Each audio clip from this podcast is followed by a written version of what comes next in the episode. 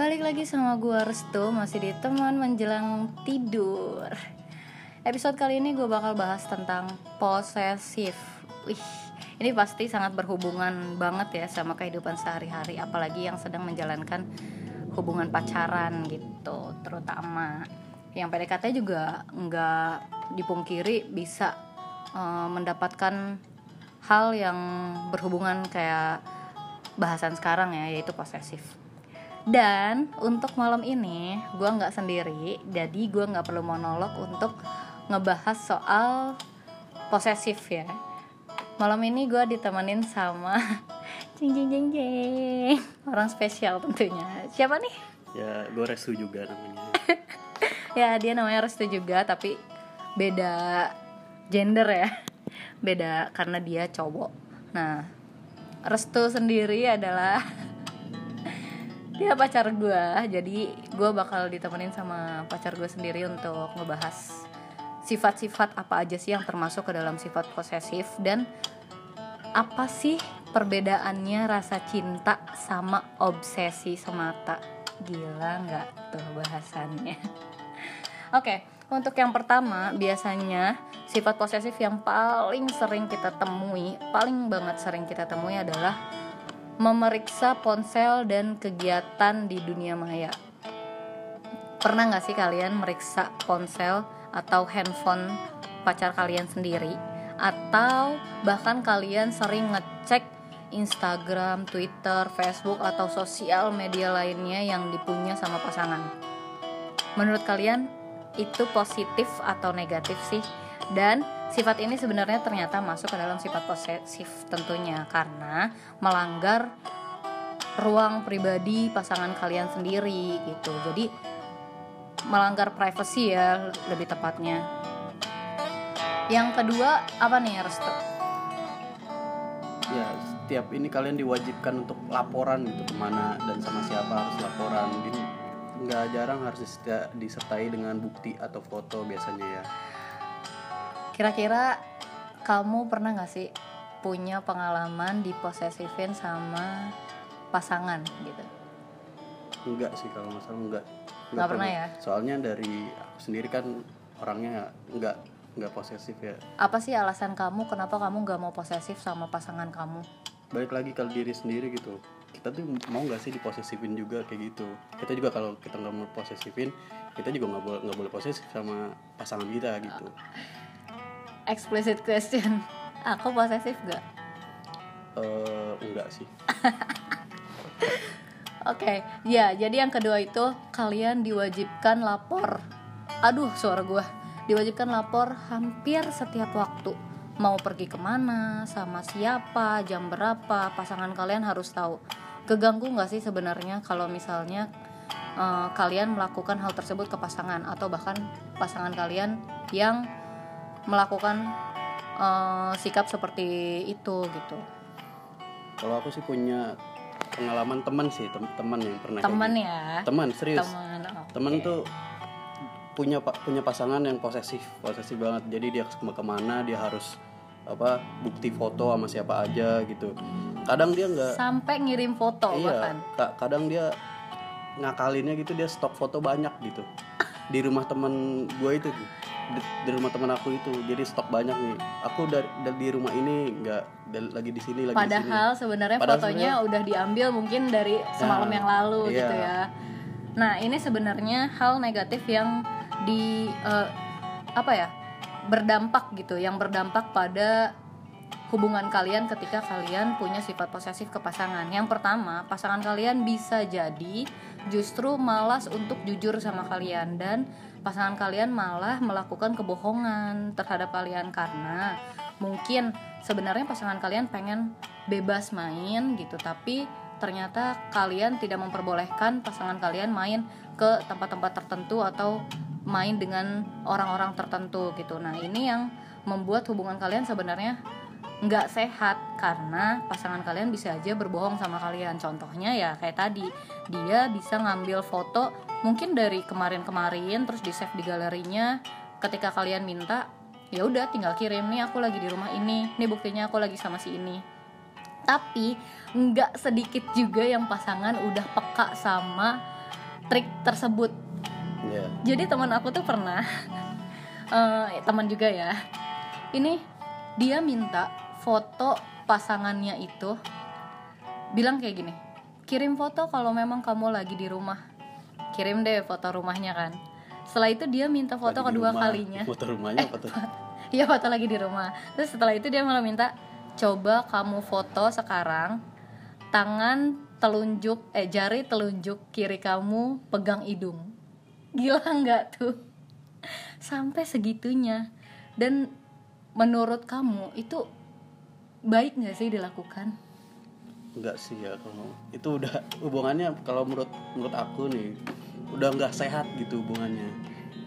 Udah pokoknya kalian Karena kalau- memang iya eh, Pacaran sebenarnya seharusnya ya didasari rasa percaya iya ya nggak rasa sih? percaya. Kalau misalkan pasangan kalian tuh bener sayang sama kalian, pasangan kalian juga nggak bakal ada niatan macam-macam buat nyari cewek lain atau cowok lain gitu kan. Nah, itu sih kuncinya percaya sama pasangan. Kecuali memang kalian punya kecurigaan karena track record pacar kalian tuh jelek gitu. Misalnya, ya kan dia dulu playboy gitu atau dia kan dulu playgirl gitu. Jadi kalian insecure sendiri gitu sama sifat pasangan kalian. Tapi ya itu udah jadi konsekuensi kalian dengan memacari orang yang dulunya playboy dan harusnya kalian juga bisa percaya gitu sama pasangan kalian sendiri. Tapi ada juga yang dia pacaran sama si ini dia jadi berubah dulunya playboy jadi jadi cowok baik-baik Nah, misalkan jadi cewek iya, baik-baik jadi kayak gitu. Bisa- Jadi tergantung kalian juga bawanya gimana ke pasangan kalian kayak gitu kayak gitu. Iya, betul banget. Jadi pembawaan diri kalian adalah cerminan dari pasangan kalian. Yang ketiga, itu biasanya sifat posesif yang sering ditemuin adalah marah dan cemburu dengan semua teman dekat yang beda jenis tentunya ya. Cowok atau cewek. Iya, cewek atau cowok gitu yang biasa main sama pacar kalian. Sampai-sampai kalian nggak memperbolehkan mereka untuk main sama orang tersebut karena kalian cemburu. Padahal sebenarnya pasangan kalian itu udah pacaran eh udah deket atau udah sahabatan lama banget sama ya teman kalian itu. sebelum pacaran sama kalian gitu kan. Pernah nggak punya pengalaman kayak gitu? Jadi nggak boleh main sama ah kamu nggak boleh main deh sama si Fulan karena si Fulan kan suka sama kamu. Padahal ya emang kalian udah sahabatan lama gitu. Nggak pernah sih. Karena memang kamu nggak punya teman cewek. Iya, temen cewek dikit banget. Dan kebetulan untuk gue pribadi gue juga nggak pernah sih dilarang sama doi karena dia punya prinsip apa sih yang bikin kamu nggak ngelarang aku? Karena kan aku sebenarnya main sama semua temen cowok-cowok aku bahkan bah- bahkan teman aku kebanyakan cowok gitu. Yang pertama pasti eh, dia kamu ini ya kamu udah kenal duluan sama teman-teman kamu daripada aku pacaran pacar sebelum pacaran sama aku udah teman kenal duluan sama teman-teman kamu. Terus dari kamu juga awalnya mau ketemu si ini orangnya kayak gini gitu. Misalkan orangnya baik kayak gini kayak gini diceritain dulu orangnya kayak gimana gitu. Oh, sama kelompoknya tuh kelompok kayak gini misalkan teman-teman aku kayak gini gitu Nah itu guys tips kalau pacar kalian sebenarnya nggak mempercayai kalian main sama orang-orang tertentu. Jadi kalian bisa kok mengkomunikasikannya dengan baik. Kalian bisa berdialog sama pasangan kalian dan kalian ceritain orang yang mau kalian temuin tuh sifatnya seperti ini loh. Kalian kenal dulunya di tempat ini. Misalnya dia teman kampus aku, dulunya satu kelas sama aku di mata kuliah ini. Terus aku temenan sama dia karena kita satu pemikiran jadi sering ngobrol soal pelajaran misalnya atau sering ngobrol soal Hobi, curhat-curhat hobi dan lain-lain. Jadi pacar kalian pun bisa terima dengan eh, penjelasan dari kalian. Nggak yang semata-mata kalian marah ketika pacar kalian nggak ngebolehin kalian main sama temen lawan jenis tapi kalian sendiri tidak melakukan apa pun untuk menjelaskan situasinya gitu. Dan eh, ini juga penting juga biasanya kan kalau cewek gue sekarang ini Rasun ya dia tuh ngenalin teman-temannya tuh kamu tuh ngenalin teman-teman kamu ke, ke aku. Jadi aku tahu orang itu orang teman-teman tuh kamu tuh kayak gimana. Jadi aku Dibawa ya. dibawa jadi dikenalin ayo dikenalin ke teman-teman biar nggak nggak ada rasa curiga gitu dari dari perspektif si cowok atau si cewek yang pasangan kamu ini gitu nggak curiga sama teman-teman kamu. Yang penting mereka itu memberikan dampak yang positif terhadap pasangan kalian. Misalkan temen-temennya itu misalkan membawa ke arah yang negatif lebih baik ya menurut gue ya lebih baik ya eh, Yang ngomong- boleh ya nggak boleh ngomongin ngomongin pelan-pelan kalau ini tuh punya dampak yang negatif Hmm. buat pacar kamu gitu misalkan gitu. Jadi eh, intinya ketika pacar kalian ngelarang kalian untuk bermain dengan lingkungan tertentu atau orang tertentu, tanya dulu alasannya apa. Kalau memang alasannya ya kayak cowok gue ini, dia punya alasan tersendiri. Teman kamu tuh bawa pengaruh negatif loh sama kamu. Jadi aku kurang suka kalau kamu main sama dia gitu. Pengaruh negatifnya apa ya kalian minta jelasin ke dia. Ketika jawabannya make sense ya kenapa enggak itu ya bukan posesif mak- eh, termasuknya enggak posesif ya tapi justru membuat kalian eh, berada pada lingkungan yang baik gitu loh. Membawa kalian kepada eh, hal-hal yang positif. Atau misalkan eh, tahu nih eh, si temennya ini mempunyai dampak yang negatif terhadap pasangan kalian. Tetap kalian ngomonginnya jangan eh, jangan jauhin temannya cuma ya cukup tahu aja gitu. Main-main aja cuma kan jangan terlalu apa sih jangan terlalu jangan jauh. terlalu intim ya jangan terlalu dekat lah.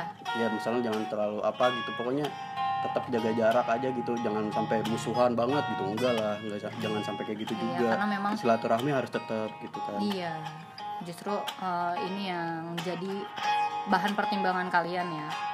Terus yang selanjutnya sifat posesif yang biasa ditemuin juga adalah ini relate banget biasanya nih sama kehidupan percintaan kaum kaum muda-mudi memusuhi mantan dan mulai meneror. Tapi kalau sampai meneror mungkin nggak nggak banyak lah ya orang yang kayak gitu. Tapi memusuhi mantan pacar atau nggak suka tiba-tiba nggak suka aja gitu sama mantan pacar.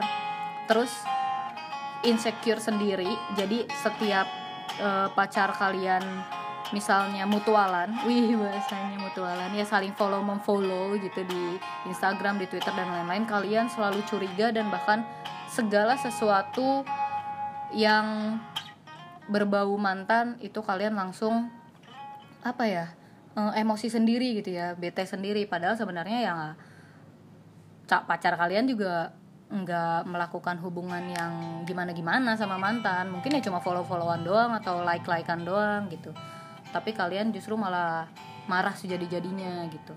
Pernah nggak punya pengalaman kayak gitu? Gak tahu sih kalau aku. Nggak tahu nih nggak tahu. tapi kalau nggak cerita tahu. teman iya serius serius ya tahu. Tapi kalau cerita teman-teman ada gitu teman ya lagi ya?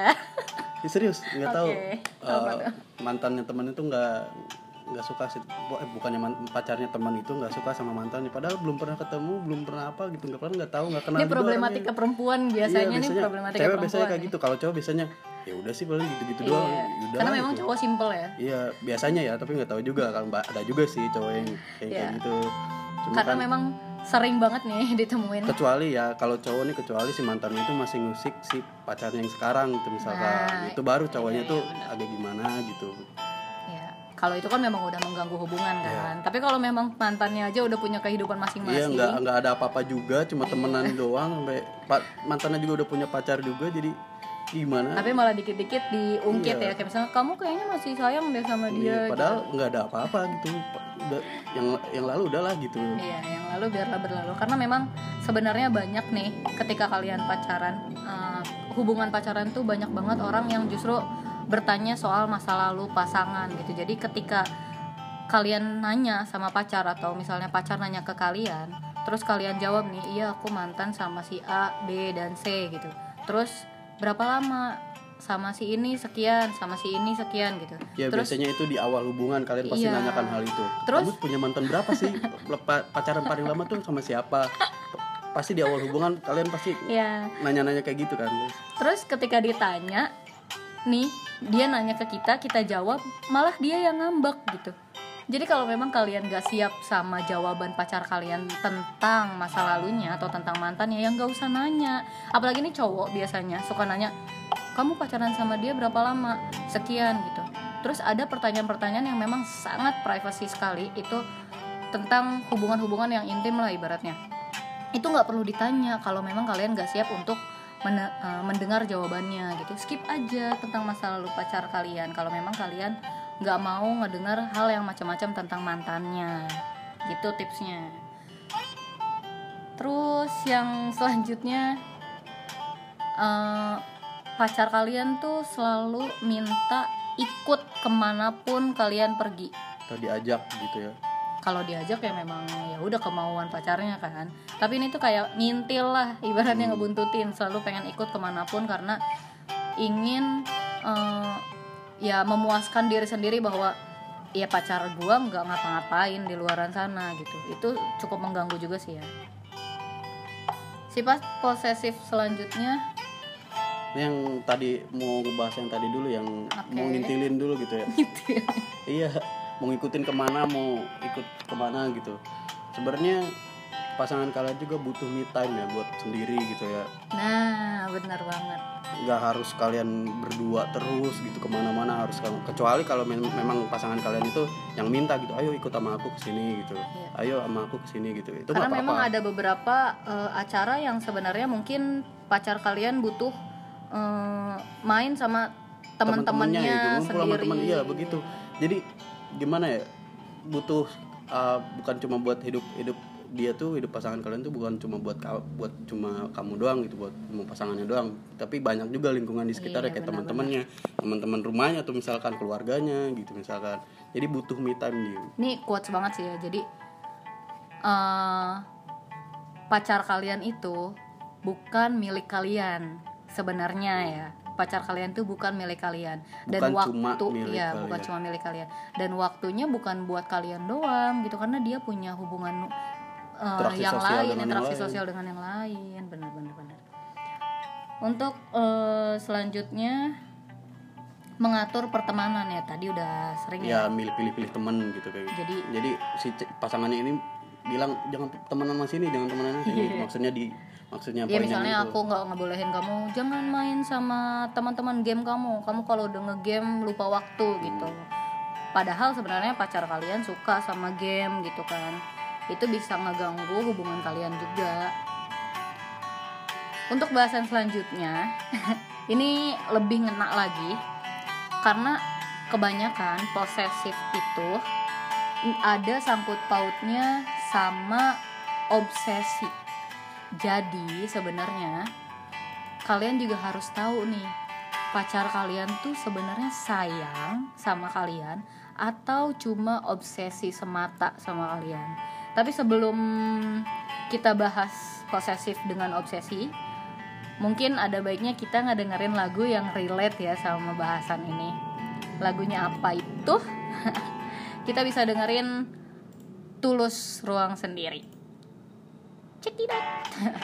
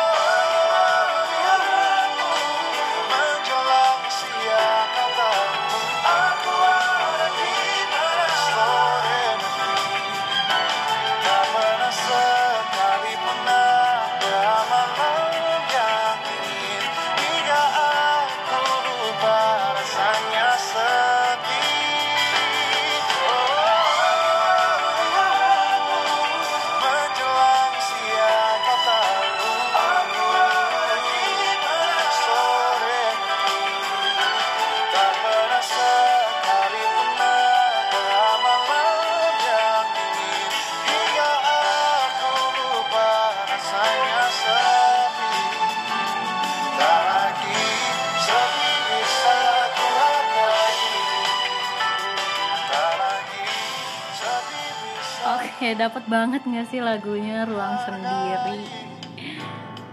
Memang sebenarnya kita harus memberikan ruang sendiri kepada pasangan kita ya tentunya. Karena ya itu tadi waktu pacar kita, kehidupan pacar kita bukan cuma buat kita gitu. Kalau memang kita pun digituin, kita juga nggak suka kan, karena kita butuh eh, waktu-waktu tersendiri untuk bareng sama teman-teman, untuk keluarga. terus menyendiri. Kadang suka juga kan banyak orang yang suka sama me time kayak gitu. Oke sekarang kita bakal bahas pacar kalian tuh sayang atau cuma obsesi semata sama kalian? Banyak eh, yang di dalam hubungan tuh orang-orang yang punya obsesi semata aja gitu sama pasangannya. Obsesi sendiri itu keinginan ingin memiliki gitu keinginan memiliki yang sangat kuat sama pasangan sendiri gitu. Jadi bukan menyayangi tapi justru keinginan untuk menguasai pasangan. Ya ibaratnya ingin sekali pasangannya melakukan apa yang dia suka gitu atau apa yang dia mau. Kayak gitu cinta tuh seharusnya sebuah ekspresi ya di mana sesuatu yang membebaskan. Semua menjadi rumit ketika cinta kamu ternyata mengurung perasaan dan ruang gerak kamu sendiri. Kira-kira menurut kamu kalau ada pacar ada hubungan yang salah satu pasangannya tuh justru mempersempit ruang gerak atau ruang pribadi itu sayang nggak sih sebenarnya itu udah udah bukan hubungan yang sehat menurut aku ya itu. Kalau jadi kalau misalkan kalian bayangin aja misalkan ada burung yang ditaruh di sangkar udah ditaruh di sangkar aja nggak bisa ke mana-mana udah di situ doang. Dia nggak bisa terbang dan bisa mengelilingi atau atau mengeksplor apa yang dia mau sih apa yang dia pengen apa yang dia cita-citakan gitu. Jadi kalian tuh sama aja mengekang dan mengurung pasangan kalian. Jadi obsesi itu sendiri udah hubungan yang gak sehat. Kalau kalian punya sekarang atau ataupun sekarang lagi menjalani kayak gitu misalkan kalian dibatasi mau ke sini ke sana ke sini nggak nggak boleh misalkan. Susah, padahal itu eh, kalian lakukan untuk hobi kalian sendiri atau untuk kegiatan positif kalian sendiri. Untuk pengembangan diri kalian sendiri lah pokoknya kegiatan itu. Tapi gak dibolehin sama pasangan kalian tuh itu udah bukan hubungan yang sehat. Kalau menurut Bukan gua sayang ya? bukan sayang. Jadi menurut gua mending ya gimana ya caranya kalian tuh ya susah sih ya kalau misalkan ada juga yang misalkan gue udah, udah udah hubungan lama gitu sama sama dia gitu karena sayang lama. untuk meninggalkan ya, Ya. untuk mengakhiri hubungan padahal sebenarnya eh, pribadinya nggak suka digituin gitu. Bayangin kalian hidup seumur hidup dengan pasangan kalian yang sekarang yang mengekang kalian. Gimana rasanya mending pikirin dari sekarang daripada terlambat lu. seberapa penting sih ruang pribadi buat kamu? Apalagi eh, aku sendiri yang tahu kamu tuh orangnya introvert gitu kan. Maksudnya suka banget eh, waktu-waktu menyendiri gitu. Bahkan sebenarnya cuma butuh waktu buat sekedar nonton film sendiri atau main game sendiri gitu. Seberapa penting gitu? Penting banget ya. Soalnya kan manusia juga kan ada bosannya pasti ya. Kalau misalkan ketemu terus gitu kan kalau misalkan harus sama dia terus sama gitu. banget kayak lagu tulus ya. Iya jadi kalian juga nggak ada rasa apa gitu pokoknya bosan banget ke sini lagi sini nggak ada. Ini hidupnya itu lagi itu ke situ lagi itu lagi gitu. Jadi apalagi chattingan yang tiap menit harus dibales gitu. Iya. karena memang jujur nih di hubungan gue sama Restu itu tuh kita chattingan bisa sampai setengah jam sekali ya bales. Nggak yang tiap menit harus bales atau bahkan misalnya kalau sekarang nih apalagi zaman zamannya chattingan di WhatsApp ketika ngelihat pacar online tapi nggak ngebales itu tuh pikirannya langsung ke mana-mana. Padahal mungkin sebenarnya pacar kalian juga lagi chattingan di grup sama teman-temannya gitu atau mungkin lagi lagi, lagi balas balas lagi- bahas masalah kerjaan Iya mungkin. bahas kerjaan mungkin gitu. Wah nih dia online tapi ternyata nggak balas-balas. Kenapa gitu? Kalian langsung marah dan bete. Sebenarnya hal tersebut mungkin bisa kalian minimalisir ya Karena pada dasarnya ketika chattingan terus menerus Itu tuh nggak baik juga buat hubungan kalian. Karena pasangan kalian nggak dikasih ruang untuk ya kangen lah sama kalian gitu kan. Kalau emang misalnya kayak kita nih kenapa sebenarnya kita setengah jam sekali balas pun bukan karena kita sibuk. Serius deh. Bahkan aku nggak balas chat kamu cuma karena aku lagi nonton, Nonton. YouTube ya. Karena memang butuh space ya. Gue pribadi butuh space untuk merasakan nikmatnya chattingan gitu. Karena kalau misalnya chattingan terus-terusan dibalas langsung di read langsung dibalas lagi langsung di read lagi gitu langsung typing lagi itu gue nggak menikmati chattingan gue sama pasangan gue gitu. Pernah lo ada teman gitu ya nggak- lagi. Serius serius teman. Kamu banyak ya pengalaman tentang temen iya ya. aku kok pendengar pendengar kan. Oh pendengar yang hanya iya baik hanya pendengar pendengar aja gitu. Apa tuh Iya dia tuh harus jadi sama yang pasangannya atau misalkan PDKT-annya gitu. Hmm. Ini masih PDKT, ada yang masih PDKT jadi harus balas cepat tuh kalau di nggak dibalas dua menit aja nih ya misalkan satu menit aja lah. Ya Iya dia langsung kamu ke mana sih? Eh, Lagi ngapain sih? Kok balasnya lama? Padahal cuma beberapa cuma berapa menit gitu satu menit gitu. kayak ngapain sih Iya, kalian sebenarnya nggak perlu banget terlalu obses sama handphone kalian Ya hidup kalian ya. tuh bukan cuma di handphone doang gitu. Kalian bisa explore lebih jauh tentang waktu kalian gitu. Kalian bisa nge-youtube lah kalau misalnya kalian miskin kuota. Sobat miskin gitu sobat miskin kuota. Ya kalian bisa eh, ngapain kayak ya? Explore diri sendiri Iya gitu. kalau biasanya kalau lama nih biasanya balas kamu nih biasa kalau nggak main game tuh nonton. Kalau gue nonton anime deh anime dan film atau enggak baca buku. Dan cewek gue ini udah tahu emang kebiasaan gue tuh kayak gimana kalau misalkan nggak nggak ngebalas tuh kalau Nih, jadi kayaknya eh, tadi dia bilang lagi lagi nonton. Oh kayaknya lagi nontonnya lagi serius bagian serius gitu kan. Bisa aja kan Atau karena misalkan- memang ada orang yang menikmati nonton tuh serius banget tanpa diganggu ya enggak Iya sih? lagi fokus. Misalkan atau enggak lagi main game nih tanggung nih misalkan. Lagi misalnya kalau main mobile legend lagi rank nih tar dulu gitu kan. pasti ngerti kan ya karena gue juga anak game jadi gue paham lah dia gimana. Jadi sebelumnya mending jelasin dulu lagi, lagi ngapainnya gitu kenapa nggak bisa balas cepatnya gitu Hmm, mending. Ke- kecuali kalau misalkan kalian lagi sama sama pacar kalian ini lagi chattingan dengan hal yang penting misalkan. Lagi serius ya. Lagi serius lagi terus penting tiba-tiba hilang tapi dengan hal dengan alasan yang sebenarnya sepele gitu hilangnya baru deh kalian boleh marah. Gitu. memiliki pasangan yang posesif itu kadang ngebuat kita ngerasa dipedulikan tapi dikekang juga gitu dalam waktu yang sama. Mereka yang posesif ini seakan mendirikan tembok batas untuk semua ruang gerak kalian gitu. Tidak nggak ada lagi tuh yang namanya pergi tanpa pamit nggak ada lagi lupa ngasih kabar atau ketemu sama siapa. Jadi segala sesuatu yang kalian lakukan itu harus berkaitan dengan pasangan kalian. Padahal sebenarnya mungkin kalian pengen banget eh, butuh ruang gerak yang lebar lah gitu untuk kalian sendiri. Jadi eh, sebenarnya rasa obsesi atau sifat posesif itu diawali dari perasaan insecure, di mana insecure ini biasanya berakar dari pengalaman masa lalu. Jadi kalau memang kalian punya pasangan yang posesif atau punya pasangan yang eh, dikiranya sekiranya gitu ya, dia ternyata obsesi doang sama kalian tapi nggak sayang gitu. Masa lalu pasangan kalian tuh bisa berdampak menjadi sebuah sifat yang posesif di eh, waktu yang mendatang gitu. Jadi kalian juga harus pahami sebenarnya pasangan kalian nih melakukan eh, hal tersebut tuh karena apa sih? apakah mungkin dilatar belakangi dari masa lalunya yang selalu diberikan rasa insecure oleh keluarganya atau sama lingkungannya gitu jadi kita juga paham nggak semata-mata kita langsung membenci pasangan kita sendiri kalau memang misalnya ingin merubah pasangan kalian dari yang posesif menjadi eh, hubungan-hubungan yang sehat gitu yang yuk ya balas apa ya ibaratnya memberikan ruang pribadi yang cukup untuk kalian gitu. Kalian ingin pasangan kalian seperti itu kalian juga harus pahami dulu pasangan kalian kenapa nih gitu. Ya kenapa dia sampai pokoknya posesif melakukan atau hal obses- tersebut ya, gitu ya. Kalau menurut Rumon Dror sebagai pemerhati sekaligus peneliti mengenai psikologi klinis dewasa, sikap posesif itu bisa muncul dari spekulasi rasa cemas yang ditandai dengan perasaan cemburu. Misalnya nih, ketika lihat pasangan bermesraan dengan orang lain atau eh, lebih dekat dengan temannya dibandingkan kalian, eh dibandingkan pacarnya, mereka akan muncul rasa cemburu. Dalam kasus orang posesif, belum sampai hal tersebut terjadi aja, mereka udah punya insecure sendiri, udah punya perasaan yang buruk gitu. Mereka justru berspekulasi bahwa kayaknya pacar gua eh, selingkuh deh sama temennya. Padahal kalian tidak melakukan hal tersebut gitu.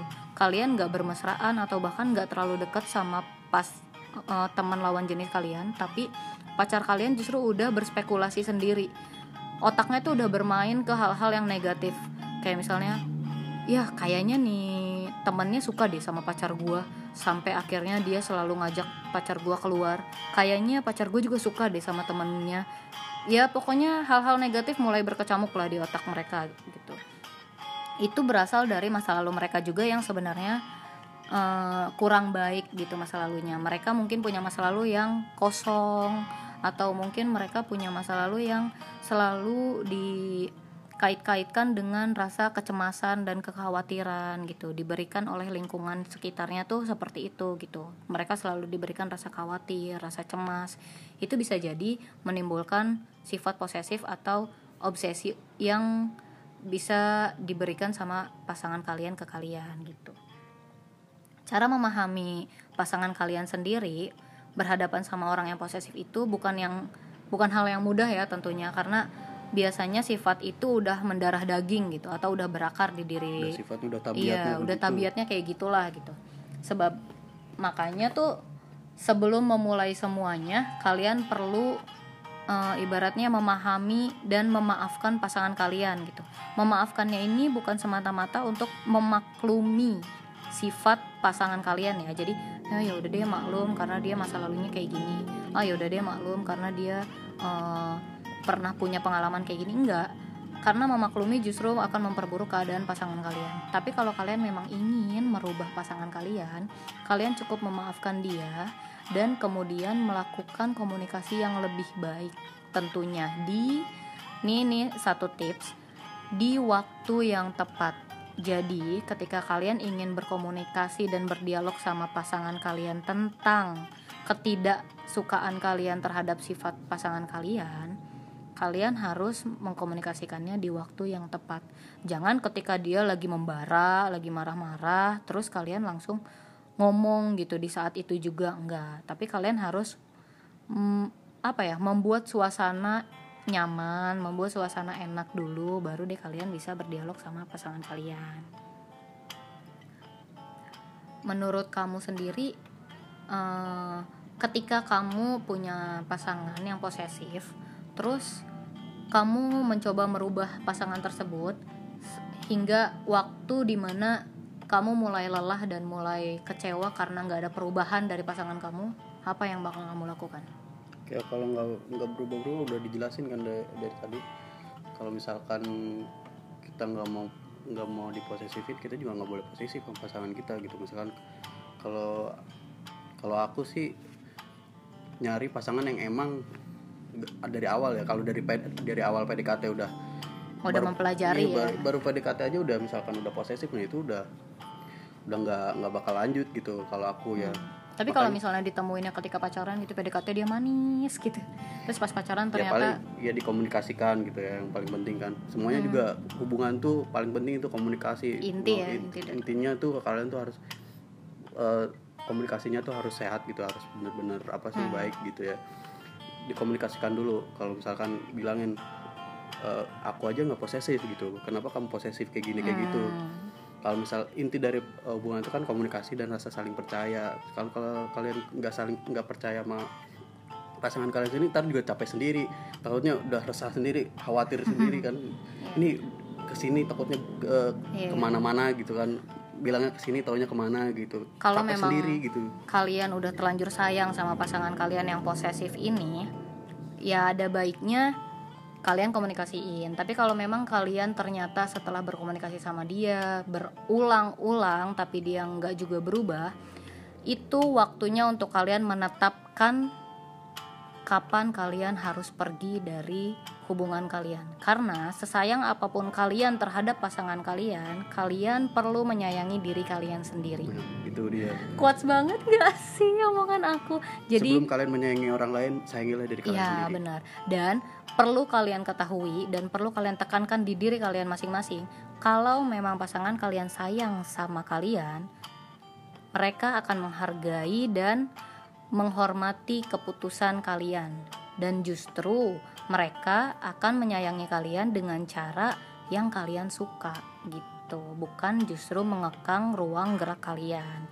Dan kalau memang pasangan kalian benar-benar sayang sama kalian mereka pasti akan memahami apa sih yang sebenarnya kalian inginkan gitu. Apa sih yang sebenarnya kalian butuhkan?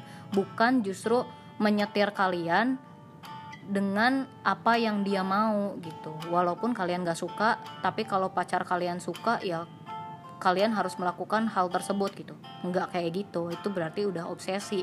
Jadi kalau kalian punya pacar yang pengennya tuh melakukan hal yang pengen dia suka terus atau enggak melarang melarang melarang larang kalian hal yang enggak dia suka gitu. Tanpa ada alasan yang jelas itu udah termasuk obsesi gitu. Dan seharusnya kalian tinggalkan mereka karena masih banyak orang-orang yang mau memperlakukan kalian dengan baik. Itu sih intinya. Jadi jangan terpaku sama hubungan yang nggak sehat.